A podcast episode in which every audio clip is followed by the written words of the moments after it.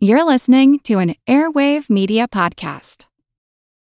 Little Wing is now streaming on Paramount Plus. I'm in a period of emotional upheaval. Is that all the oh, I don't care crap?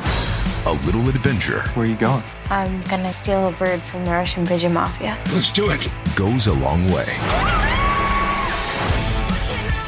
Starring Brooklyn Prince with Kelly Reilly and Brian Cox. Life can hurt, but life is sweet.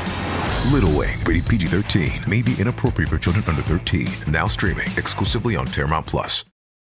This episode is brought to you by Paramount Plus. Get in, loser! Mean Girls is now streaming on Paramount Plus. Join Cady Heron as she meets the plastics in Tina Fey's new twist on the modern classic. Get ready for more of the rumors, backstabbing, and jokes you loved from the original movie with some fetch surprises. Rated PG 13. Wear pink and head to ParamountPlus.com to try it free. This is Kickass News. I'm Ben Mathis.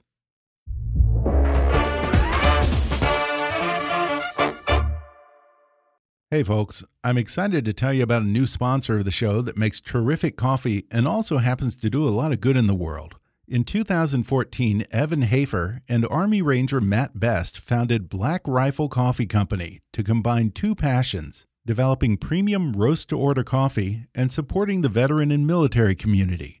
With the Buy a Bag, Give a Bag campaign, BRCC donated over 30,000 pounds of coffee to troops overseas in just 2019, and they currently employ over 200 veterans. Visit blackriflecoffee.com slash kick and use promo code KICK for 20% off your purchase. That's blackriflecoffee.com slash kick and promo code KICK for 20% off. Like it or not, we live in a global era in which what happens thousands of miles away has the ability to affect our lives. This time it's COVID 19, which originated in a Chinese city most of us had never even heard of, but quickly spread to the corners of the earth. Next time it could well be another infectious disease from somewhere else. 20 years ago, it was a group of terrorists trained in Afghanistan and armed with box cutters who commandeered four planes and flew them into buildings, claiming nearly 3,000 lives. In 2016, hackers in a nondescript office building in Russia traveled virtually in cyberspace to manipulate America's elections. In 2008, it was a global financial crisis caused by mortgage backed securities in America. But one day, it could well be a financial contagion originating in Europe, Asia, or Africa. This is the new normal of the 21st century, and globalism is not a choice, but a fact. Now, Dr. Richard Haass, the president of the Council on Foreign Relations and a seasoned diplomat who served under four presidents, is helping make sense of this complicated and interconnected world with a new book called The World A Brief Introduction.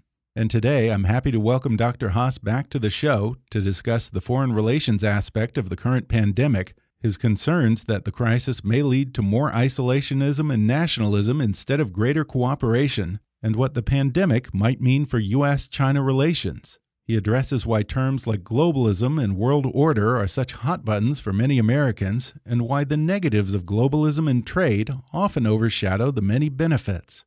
Dr. Haass talks about the current post Cold War period and why we still struggle to define it 30 years in and he proposes that the world may have to rethink its ideas about national sovereignty to address problems that know no borders, like COVID 19 and climate change. Plus, he outlines the most urgent global problems that the world faces in the 21st century, the regions of the world that worry him most, and why he believes the U.S. shouldn't get out of the nation building business just yet. Coming up with Dr. Richard Haass in just a moment.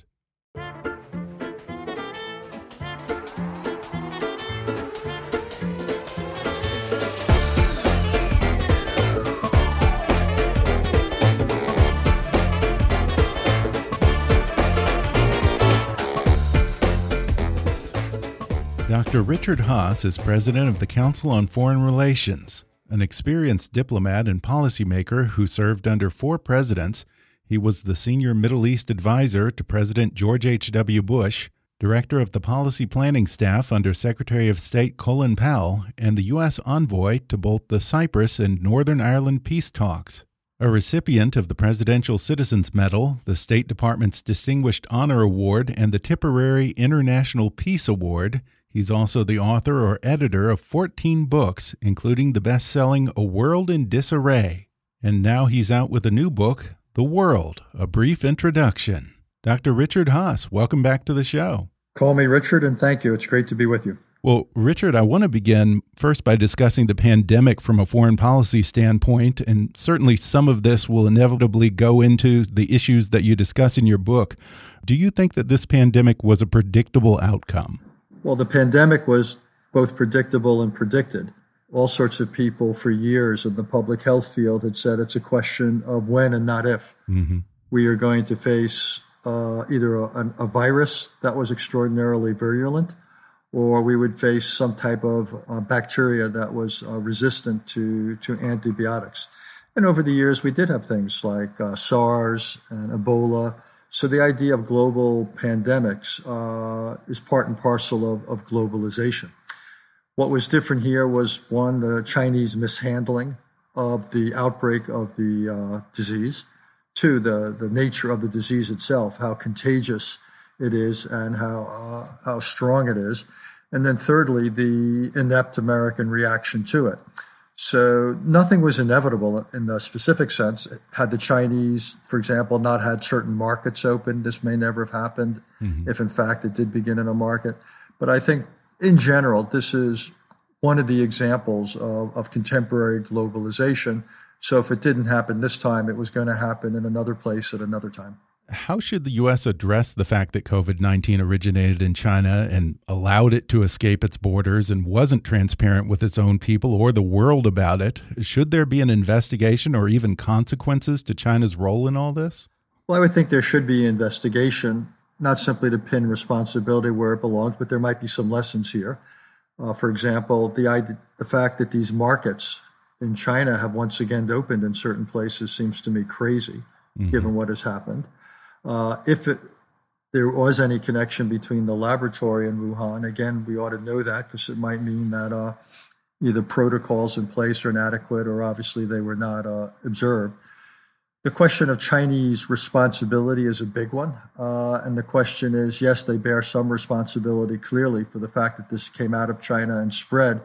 The question is how that ought to be manifested or, or, or dealt with is a, is a, a big question. And I would, one has to look at it not in the narrow context, but against the context of everything that China uh, is doing or could do. So simply because they behave badly doesn't mean that we can, for example, force them to pay certain types of quote unquote reparations uh, for this. One, they might resist. Two, they've got economic tools they can use to push back. And one of the important ideas in the world is a degree of sovereign immunity that there ought, we ought not to be essentially treating one another as a, and the world as a court of law, lest we find ourselves in the dock uh, because of something we are, we, are, we are doing in terms of how we conduct a war or what we're not doing against climate change. So by and large, I don't think these things ought to be dealt with legally, but I do think China ought to be held accountable and its reputation uh, ought, to, ought to take a major hit as a result. And of course, in a lot of ways, it seems that the beneficiary of this pandemic that started within its borders has been China. Much of the necessary medical equipment being used is coming from China. China is taking advantage of the chaos to make moves in the South China Sea and crack down in Hong Kong. It almost makes me wonder if they might even be contemplating a more aggressive stance toward Taiwan right now. You know, never let a good crisis go to waste. Do you think this might be the opportunity that China has been waiting for? Look, I can't sit here and, and rule that out, but if they were to do something against Taiwan, not only would it risk or bring about a military conflict, uh, but it would it would fundamentally change China's relationship with every country in the Asia Pacific region. At the end of the day, whatever China might accomplish vis-a-vis Taiwan, it would so poison its relationship with the United States, with Japan, uh, with South Korea, and others that uh, I, I, I think on balance, China would be a net loser. Let me also just take slight issue with what you said. I'm not sure China will be a net gainer. It's possible that, yes, we could be distracted and take our eye off the ball with Taiwan or, or, or something else. But let's see how this plays out internally in China. If there are now new outbreaks, uh, by the you know, someone like Xi Jinping, who has so consolidated power in China, it's very hard for him to blame this on anybody else. Let's see how China's economy uh, recovers.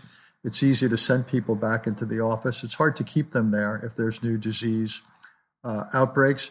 China's reputation in Europe and parts of Europe may have taken a real hit. Uh, so let's. I think it's too soon to do a balance sheet on on what the impact will be of COVID nineteen on, on China's standing in the world. What's your best guess on what this might mean for Sino American relations? Is there any scenario in which this ends with greater cooperation between the U.S. and China on COVID 19 and other critical issues? Or is it more likely to be more finger pointing and to make an already frayed relationship even worse? I think the way you ended your question is by far the more likely path, mm. that it takes a relationship that was deteriorating and it, it, it adds to it. But could it change? Yeah, I could, I could imagine a scenario where the Chinese leadership would internalize the idea that this was really hurting them with the United States and with others. And they might look for ways to improve that their their standing. They did it. They did try this to some extent with by trying to make available various types of uh, PPE, medical gear. Mm-hmm. If they were to be one of the early ones to develop a vaccine, they might decide to make that uh, available to, to, to others. I could also see them suggesting some joint projects around the world with the United States, either on the medical side or the economic side of this uh, crisis. They might agree to some change in the World Health Organization. So, eh, but all things being equal, you'd have to be a real optimist to think that this is a cloud with a serious silver lining. In terms of a global body addressing COVID 19, we of course have the World Health Organization, but even you admit in your book that WHO doesn't really live up to its lofty title. And I'm seeing very little in terms of a globally coordinated effort to combat this virus. It's every nation for itself, including the US.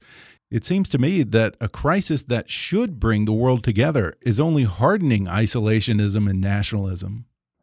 You may well be right. It'd be one of the ironies of this the, that a quintessential global problem, a pandemic, which knows no respect for borders, has the effect of, of strengthening borders and, and weakening uh, global cooperation. That could well happen. Even if a vaccine were to emerge, uh, there may be quite a lot of competition for who has access to it.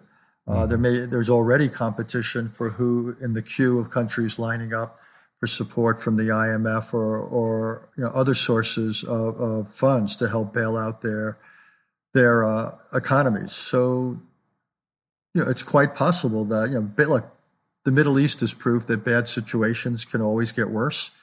And we may see that uh, writ large on, a, on a, a global scene here. You say in your book that globalization is not a policy preference, globalization is a reality. In that sense, is the pandemic perhaps the wake up call that we needed? Well, from your mouth to God's ear. Uh, on the other hand, we've had other wake up calls. 9 11 was a wake up call. Right. Not just about terrorism, but something that began in remote parts of a remote country called Afghanistan could end up killing 3,000 people in a day. We've had several financial crises that ought to have been wake up calls. Climate change, the kind of fires and storms that we've seen in recent years, uh, that ought to have been a wake up call. So, so far at least, the world seems to be a sound sleeper. And the question is, you know, will this be a wake up call either in the realm of global health or more broadly? I don't know. I worry, for example, in this country, the pushback against expertise, the, the pushback against science.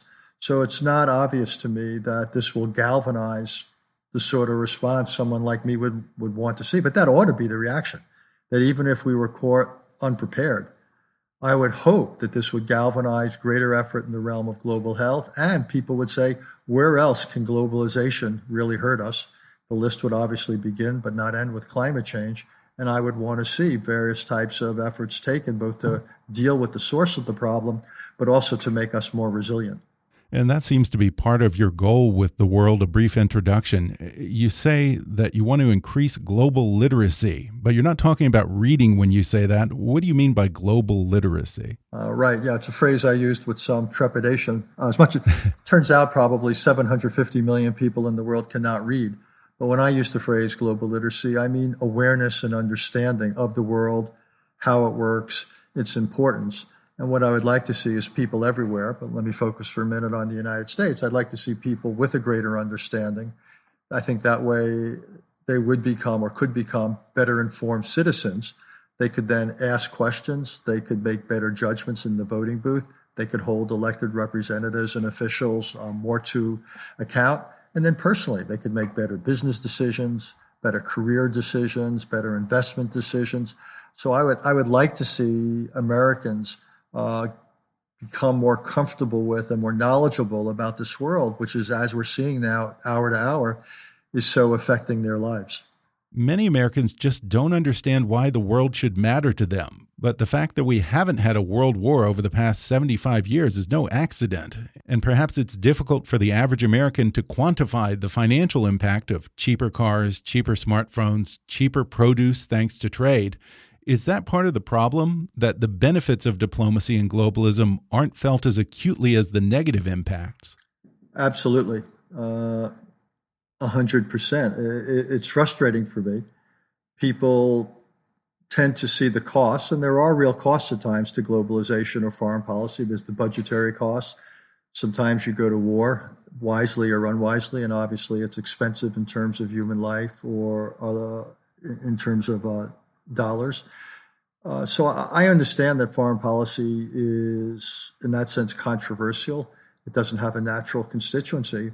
But as you say, over the last 70 years, we avoided anything like the sorts of global conflicts that so plagued the world in the first half of the 20th century. It was also a time when global lifespans uh, improved significantly, standards of living rose dramatically. The number of people enjoying relatively free lives uh, also went up. It was really quite an extraordinary era. And I think people tend to, to take it for granted.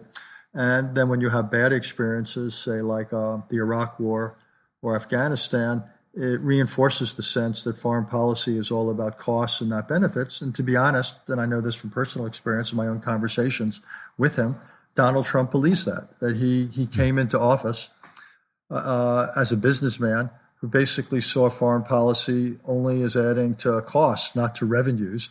And he thought that trade and allies were essentially, again, taking advantage of the United States, that we were on, on in the net losers. So his approach to foreign policy is very much to limit it and is to try to disrupt uh, economic relationships and other relationships that the, he thinks have not been to our advantage. And in the absence of a president who's going to do the, the 21st century version of a, of a fireside chat to explain some of the some of the realities of America's uh, influence on the world for the good and some of the realities of the world's ability to affect us, then I think it's going to be very hard to, to change the debate in the United States, which again is why that's why I wrote this book. It was my attempt to, to throw a pebble into, into this pond. Right. And that zero sum game just doesn't hold up in a situation like this pandemic. There are no winners, there are only losers, although perhaps to varying degrees. Now, in the world of brief introduction, our old friend, the Peace of Westphalia, comes back again. As you discussed in your previous book, The World in Disarray, Westphalia really codified this idea of national sovereignty to the extent that live and let live has gradually become the dominant foreign policy over the past couple of centuries. Is sovereignty still sacrosanct, or do we need to rethink sovereignty in a time when problems like climate change, pandemics, terrorism respect no borders? It's a great question. Uh, on one hand, you want to still embrace sovereignty. We don't want to go back to a world where everybody was intervening and invading everybody else. And in the last couple of decades, we've seen Saddam Hussein's Iraq invade Kuwait. We've seen Vladimir Putin's Russia invade Ukraine. So we still have to worry about uh, a world in which sovereignty is not embraced. But I think one of the most interesting innovations in thinking in the field over the last couple of decades has been the idea that there's also such a thing as too much sovereignty. We saw it originally in the case of genocides. We didn't want governments to feel that they could commit genocides or allow them to take place on their own territory. So that was one area that led to this idea of the responsibility to protect, the idea that if governments don't act responsibly, don't uh, behave correctly, that they forfeit some of the normal rights of, of, of, sovereignty. I think that was a big idea. There's a growing debate about a country like Brazil. Brazil is home to most of the Amazon rainforest. Uh, that's a rainforest that affects the climate of the world, not just Brazil. And this government is not acting as a responsible custodian. So, what should the world do? And I've suggested uh, the correctness of sanctioning the uh, government of Brazil, because what it's doing is not bad just for itself. That'd be one thing, but it's bad for the uh, rest of us. Or the question you began with about China. If a country won't meet its obligations to act as a responsible citizen in terms of dealing with public health, and disease is allowed to not just break out but spread, and the rest of us pay a price for it, what is the world to, to do about it? Uh, 9 uh, 11. The United States removed the Taliban government from power in Afghanistan, not because the Taliban government directly attacked the United States, but because it had allowed its territory to be used by terrorists who train there and then go on to attack us. So, in all these cases, what we're doing now is rethinking this idea of sovereignty and basically saying, okay, in principle, in general, it's a good thing, but in certain specific areas, when things are allowed to happen within the territories of a country that can, in particular, affect our own well being, our own interests, they can no longer be allowed to have a free hand. Mm-hmm. But how we structure that, how we make that work, that's a big, big question right now. Still, do you think that the U.S. has been a little too quick to use military systems to solve matters that are perhaps better suited to a diplomatic approach? I do. And what's interesting is virtually every former Secretary of Defense would agree with me. Uh, several of them, Bob Gates, Ash Carter, and the rest, uh, have made comments that they would have gladly given up a few dollars in their own budget and put it in the State Department's budget, either for foreign aid or for uh, diplomacy. Ash Carter, I remember at one point, who was, uh, the, I think, the last Secretary of Defense under the previous president, basically said if he, if the United States had entered the Trans-Pacific Partnership, the, the regional economic and political grouping in Asia, it would have been worth more than a carrier task force in terms of pushing back against Chinese influence. So yeah, I think there is a tendency to overuse the military tool sometimes and to underuse or even ignore some of the other tools. We're going to take a quick break and then we'll return with more when we come back in just a moment.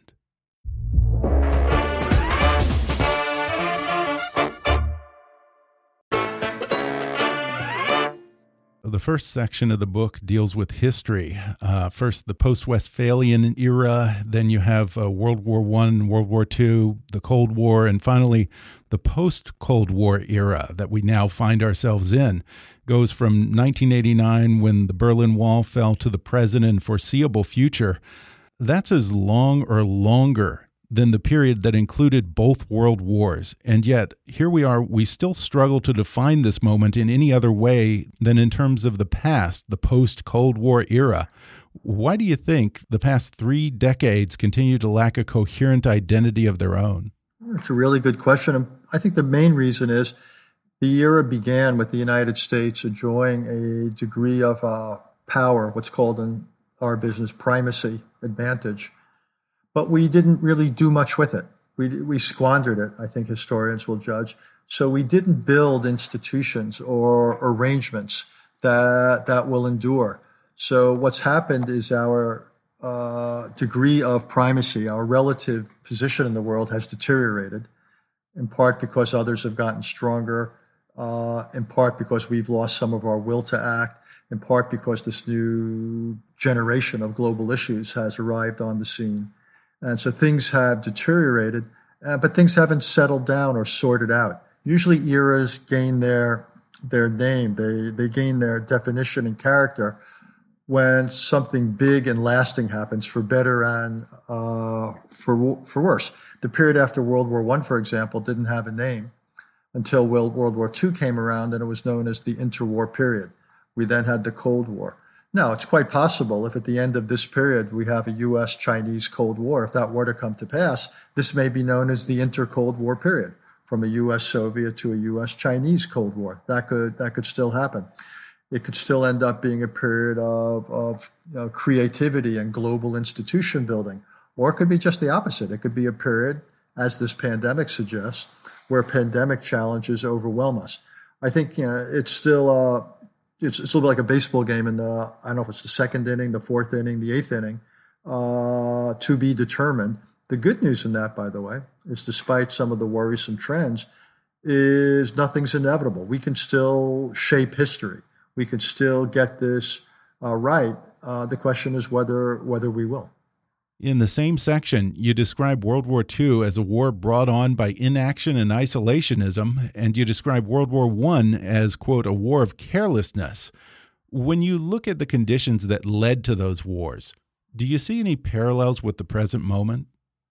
I see slightly more, uh, well, probably around World War One. There's a kind of uh, carelessness. There's a lack of structure. There's a, a lack of uh, clear-cut balances. I don't see anyone on the scene, say like a Nazi Germany or even Imperial Japan, who are extraordinarily powerful and extraordinarily determined to use military force to totally throw the apple cart over. I don't see anything uh, of that extreme on the negative side. And fortunately, at least so far, the United States and the Europeans and others are not so naive as they were in the in the 20s and, and early 1930s. So I don't see the extremes of the uh, pre period leading up to World War II. What I do see is some elements of the pre World War One uh, period with with a lack of structure, and I also see some elements of the probably the closest parallel might be the immediate post World War One period, the the late teens, the early twenties, so where just things are deteriorating, where opposition to trade is is growing where you've got a lot of powers jockeying for position. Democracy seems to be somewhat in uh, in retreat, and that the global order, however you measure it, seems to be losing altitude. So that seems to me, if I had to choose a period to compare this to, I would probably compare it to the immediate post World War One period. Well, one parallel that we can draw is the sharp rise in nationalism across Europe during the build up to World War One. Why are we suddenly seeing a return of nationalism and also authoritarianism in the 21st century? And not just in the obvious places like China or Russia, but also the Philippines, Turkey, Eastern Europe. The world has been on a steady path of democratization for almost the past 75 years, and now it seems to be reversing. Why is this happening now, Richard? It's a great question, and it's one I, I struggle with my myself. I think in part it has to do with economic circumstances, the drift in middle class incomes in in in many places. Uh, I think that had an effect. If the 2008 financial crisis uh, hurt, uh, upward mobility in places like the United States became more a dream than a than a reality. I think all of that uh, had to do with something. I think the globalization threaten certain jobs, uh, as we've seen, as did new technologies. There's a certain uh, fear or concern of being overwhelmed. Uh, international institutions haven't haven't kept up. Uh, so for all these reasons, and I probably left some out, there's uh, we're beginning to see a, a kind of going back to what seems safe and people are more vulnerable to some of the siren calls of uh, of authoritarianism. And I also think that we've we probably contributed to this trend in one other way. We haven't set a good example. Uh, history is in part the competition for ideas. And when American democracy and American society and the American economy don't succeed, well, others don't want to emulate us. And instead, they're more open to those who would pull them in an authoritarian direction. Well, in your book, you have a section that addresses specific challenges that the world currently faces. And one of them is climate change. Uh, if I'm reading this right, uh, it seems to be more toward the top of the list for you. Setting aside President Trump's withdrawal from the Paris Agreement, why hasn't the global community done a better job of meaningfully addressing climate change? Well, first, in part, because there is no global community. You know, the phrase is used a lot international community, global community, but right. in fact, there isn't one the interests diverge in many areas. Also, when you think about it, countries that are at very different uh, points in their own development. There's a big difference, say, between Europe and the United States, which are mature, developed uh, economies, and say a country like India, which is 1.3 billion people uh, with an with a per capita income of what, maybe two thousand dollars. So India uh, feels tremendous pressure to grow. You still, for example, have hundreds of millions of people in India who don't have access, regular access to electricity. Or China is a country of equal size, 1.3 billion people, where the legitimacy of the Communist Party in recent decades has rested more than anything else on economic performance. And that meant environmental or climate concerns uh, took a back seat if they even got a seat uh, at all. Uh, and then within every country, including the United States, you have various constituencies that are pushing back for this or that reason. So it's just very hard to to get a consensus. And then there's one other thing. When you think about it, climate change is a it's a special kind of crisis. And it's a really difficult one for countries to deal with because it's a gradual or slow motion crisis. Mm-hmm. It's one thing when you have a 9 11 uh, it happens and then you you it's sudden you can deal with it or even this pandemic which is, is a relatively sudden, sudden phenomenon. But something that's gradual it's very hard to give uh, to communicate a sense of urgency. And i think that's true of something like climate change. I think it's something true about our accumulation of debt. It's probably true about predictions say about the the future disappearance of many jobs because of artificial intelligence or robotics. It's very hard to mobilize a government. This is true democracies and non-democracies alike to meet long-term problems when most leaders will say, "Hey, I don't have the luxury uh, of worrying about the long term. I've got to navigate my way through the short term and the medium term. I gotta I gotta keep myself you know floating uh, until then." So it's just very hard to do it. The problem then is we won't really, I think, react sufficiently to climate change until it's far, far worse and our options are far, far poorer. And I think we're getting close to that point because climate change is not just a future threat, it's a present reality. But my guess is our ability or willingness to mobilize will, will be too little too late. Yeah, I will say this. You don't seem very optimistic that we're going to be able to address this before it's a little too late. And you do point out that climate change is not just a major humanitarian, economic, and health problem, but also a national security issue as well. For Americans who might not see the direct effects on them, what are the national security implications of inaction on climate change? Well, you'll have all sorts of things. Uh, it'll cause a lot more refugees and people moving around the world, and that could become a source of uh, of conflict certain countries won't be able to thrive anymore. And what we've learned is when countries really can't do well, then uh, terrorists, uh, drug cartels, and other such groups tend to fill the fill the the vacuum. And as we've learned the hard way, they are not just local problems, but very quickly they can become global problems. It'll have an economic effect on us because uh, we'll, we'll, we'll find fewer financial partners, but it will also affect us tremendously indirectly. We see it already with storms. We're going to see parts of the United States become less habitable, either because of really hot weather, because of regular uh, flooding, because of frequent violent uh, storms. It'll have tremendous impact on agriculture, tremendous impact on disease, insects, and the rest. I think we are dramatically underestimating the the actual and potential uh, import of, of climate change. There are still things we can and should do to slow it down, to head it off or had some of it off. A lot of it, though, is baked into the cake already. Uh, there are certain things that we're going to want to do to adapt to either existing or inevitable uh, climate change. But the the the, the lack of uh, priority that has been given to it seems to me something that we will look back on and uh, and truly regret. And, and, I do want to say one of the best things about this book is all the wonderful maps and graphics that really drive home a lot of the points that you're trying to make. And in here, you have a chart of countries most affected by terrorism, with Iraq and Afghanistan at the top, uh, India, the Philippines, a number of countries, way more than the U.S., even Turkey, Thailand, the U.K., sure. Colombia had at least twice as many attacks as the U.S. did in 2017 when this was taken. Uh, I think only 65 terrorist attacks here. So, why do you suppose now, here we are, two decades after 9 11, terrorism still ranks so highly in terms of national priorities, our politics, and our allocation of resources? Probably several reasons. One is it has had some impact in the past, and when it does, it's stunningly dramatic. Mm -hmm.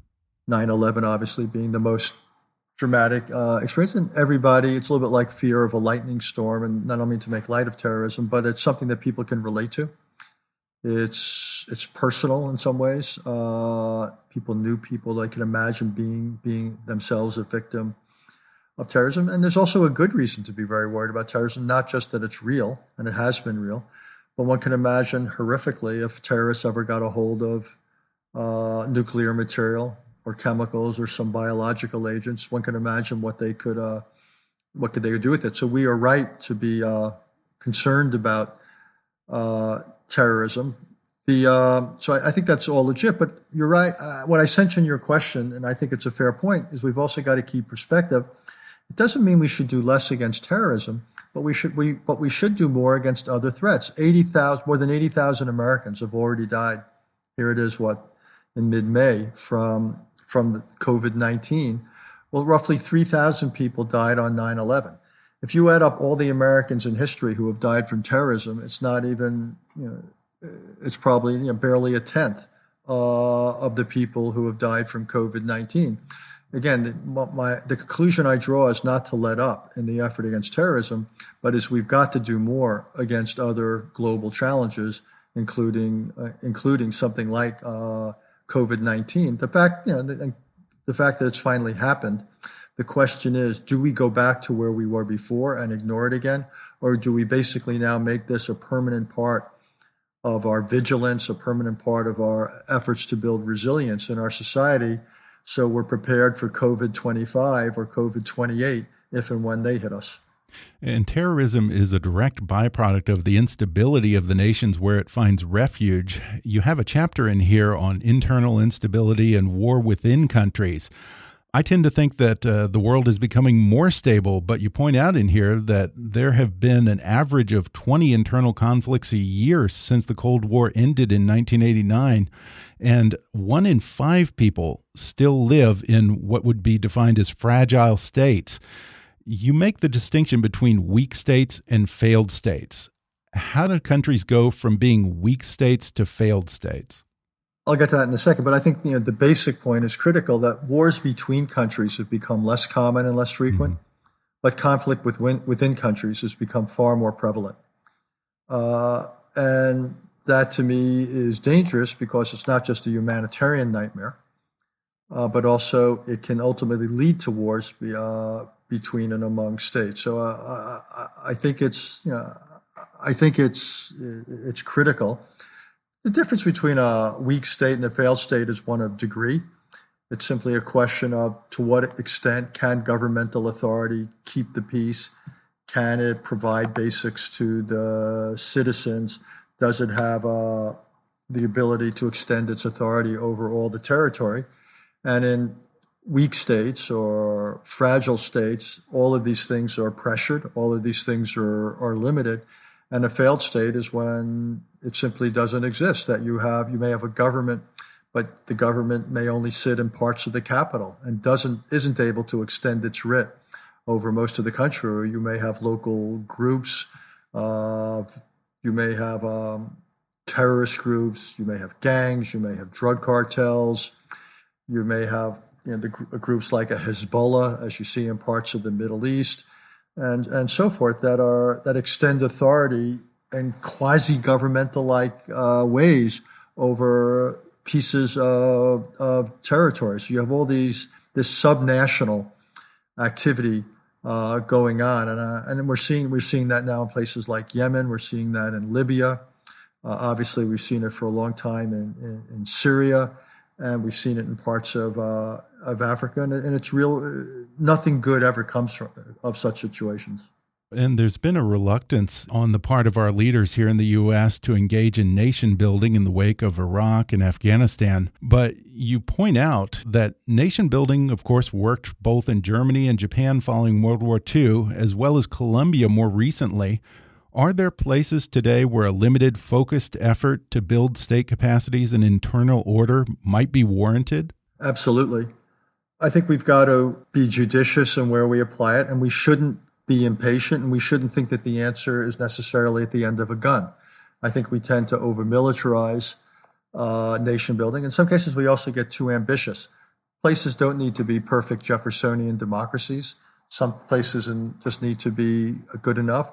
But I, I would say Central America, Mexico are places where you have weak, weak states, conversation we were just having where you have military or police forces that are not able to keep order in the country, aren't as strong in many cases as gangs and cartels, where you have judicial systems that are corrupt and don't have uh, respect or authority, where you have penal systems where the, the prisons and the rest are, are dangerous, lawless uh, places.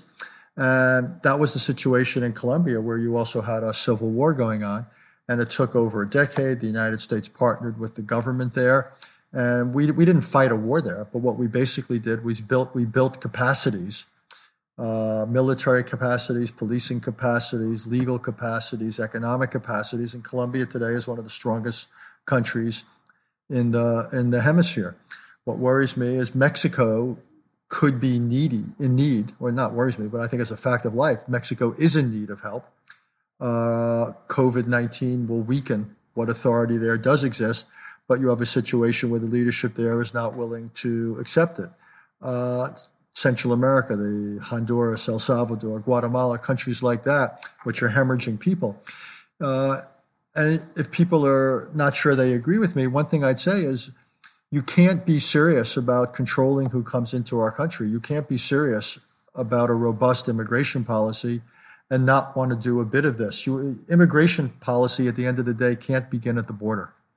Immigration policy ends at the border. I understand that, but it needs to begin at the source and we need to address the conditions that lead people to want to flee in the in the first place. So yes, I think nation building is still uh, extremely important, both as a humanitarian enterprise, but also as something very much in our self-interest. And speaking more broadly, you have a section about the different regions of the world and the major issues and players therein. Looking ahead a decade or two, maybe even a little farther than that, what region of the world do you think will present the greatest challenges? let's be optimistic for a second before okay. we talk about challenges. let's try to. uh, I think Asia still looks uh, like the part of the world that has the potential to be the most successful. You've got uh, a lot of thriving economies. You've got countries that have very strong national identities. They don't struggle with some of the situations you say have in the Middle East, where you've got multiple ethnic groups in the uh, country. You've got very strong social cohesion. Uh, now you've got a rising China, and that has to be contended with, and that's where I think the U.S. alliance system is so central. So Asia has done incredibly well for three or four decades, despite or because of great dynamism, and I believe the potential for it to stay uh, stable amidst continued dynamism is there if, if, we're simply smart about how we how we monitor it and, and react uh, to it. I'm far more worried at the other end of the spectrum by the Middle East. I see none of the prerequisites of success there within countries or uh, between them. Uh, and if the world begins to move to a post uh, to a post oil gas dependency to, to, a world where fossil fuels don't play such a central role, which at some point we will, But a lot of the Middle East is simply not prepared for that. You've also got enormous high uh, populations in places like uh, Egypt, over 100 million people. You've got terrible educational systems. So the Middle East, I mean, it's, uh, it's roughly what 400 million people out of a world of nearly 8 billion. So it's you know, it's maybe what 5% of the world's population. But I don't see I don't see that region in any way on the path to success. Other parts of the world, Africa, uh, Latin America, Europe, what I see in these places is a, a mixed bag and I can I can argue the glass is half full in some areas, the glass is uh, half empty. I would say just about Africa very quickly. That's the part of the world that will have the greatest population increase. So the biggest challenge for Africa is going to be finding jobs for literally the hundreds of millions and potentially billions of people who are going to be uh, born in, in Africa over the next uh, 50 years. Uh, yeah, but other regions also have challenges. We could talk about it. Obviously, Europe, obviously Latin America, South Asia, what have you. But uh, but if I had to say the two extremes right now are probably Asia in the positive sense and the Middle East in the, the negative sense. Well, Richard, before we go, you talk a lot about the importance of the liberal world order, and that's small l liberal, by the way. Have terms like world order and globalism simply become too fraught I mean, what does it say to you that there is a small but growing and certainly vocal segment of the population that for some wild reason believe that organizations like the Council on Foreign Relations or the World Economic Forum or the Gates Foundation, groups that actually do a lot of good in the world, are part of some nefarious New World Order out to curtail our liberties. or heck, maybe I should just ask you outright, Richard do you and the Council on Foreign Relations have a secret plan to keep us all under the boot of some nefarious global cabal?